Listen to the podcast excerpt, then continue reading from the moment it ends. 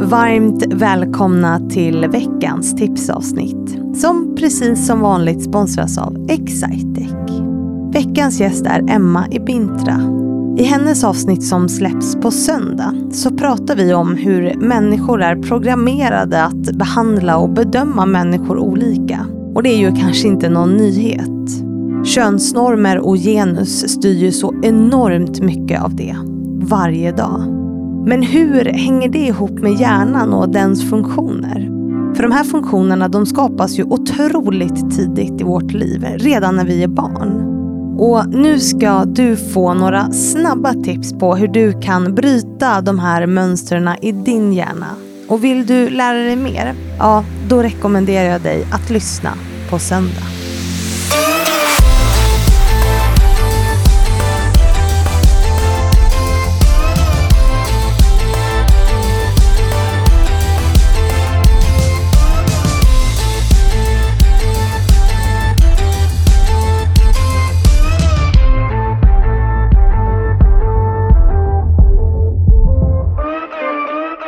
Så vi säger eh, välkommen igen till Emma Ibintra. Ja, tack. Ja, ditt egen påhittade efternamn. Jaha. Ja, super, jag tyckte det var jättekul. Eh, och bara så här helt plötsligt, nej, men jag ska byta namn och så hitta på något eget. Sådär. Ja, ja.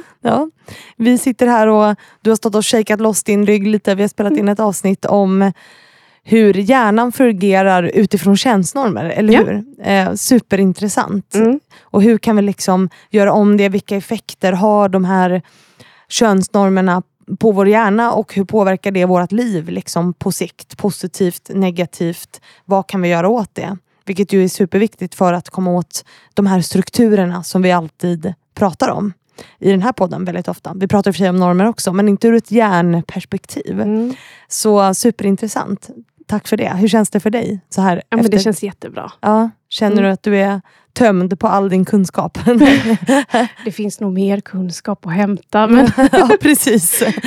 Men, men, eh, så den som är intresserad, eh, lyssna på det helt enkelt. Mm. Men det här är ju ditt eh, tipsavsnitt. Och eftersom vi vet att hjärnan är en muskel som liksom går att träna upp och det går att ändra det här, alltså hur vi är programmerade i hjärnan utifrån könsnormer, så ska du få ge tips på hur man kan bryta könsnormerna som man har i sin hjärna. Så att Mm. jag lämnar över scenen till dig helt enkelt. Men tack.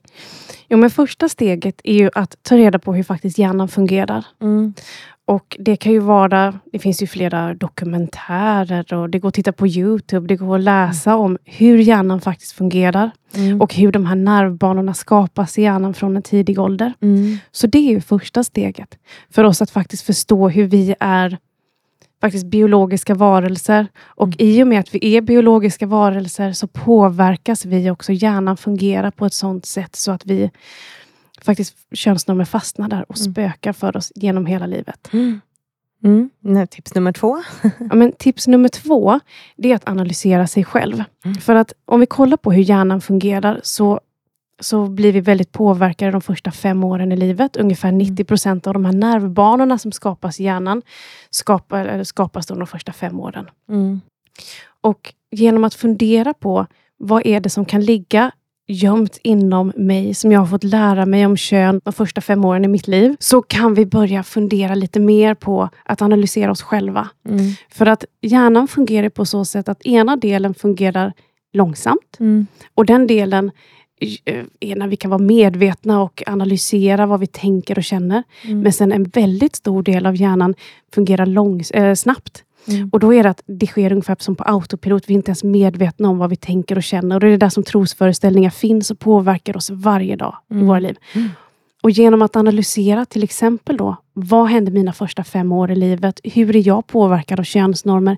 Vilka delar av min personlighet är uppbyggt på könsnormer? Mm. Då kommer vi en bit på vägen. Mm. Och tips nummer tre. Tips nummer tre är att, att eh, utsätta sig själv för nya, nya eh, sätt att se på kön. Eller Mm. nya sätt att se på sig själv och könsnormer.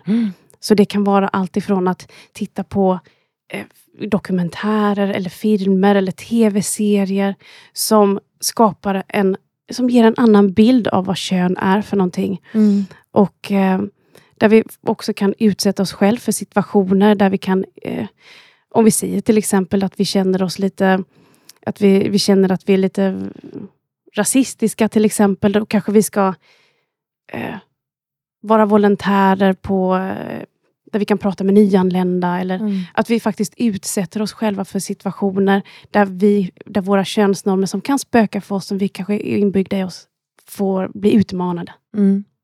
Utmana perspektiven. Ja, men precis. pratade vi också om avsnittet, att nyfikenhet är ett bra sätt att bryta eh, eller liksom ändra om de här nervbanorna som vi har i vår hjärna. Absolut. Mm. Sen är du här som förebild idag. Och då Ja. brukar man ju få nämna själv om man har några förebilder. Har du det? Ja, alltså en väldigt stor förebild för mig, det är ju Lisso. Mm. Eh, vem är... Lisso. Jaha, ja, alltså jag har Jag dålig här, koll på, på kändisar. Hur ska man ha det? Ja, Lisso är ju en, eh, en sångerska, rappare. ja, just det. Mm. Ja, hon tycker jag är helt otrolig. Mm. Och det är också så här, jag rekommenderar alla dina lyssnare att om ni känner er nere någon gång, eh, och det här är väl speciellt då till kvinnor och icke-binära, Mm. att om ni känner att ni känner er ledsna eller sådär, sätt på lite Lisso. Ja. Och då sjunger hon att man ska älska sig själv Mm. och att man ska titta in i spegeln och bara säga wow, jag tycker om mig själv. Ja. Och det är precis det som jag tycker, det, det är en väldigt stor förebild för mig. Ja. Fint. Ja, Mm. då kan, kanske jag ska lyssna på henne på vägen hem på bussen. Nu Ja, men det tycker jag du ska göra.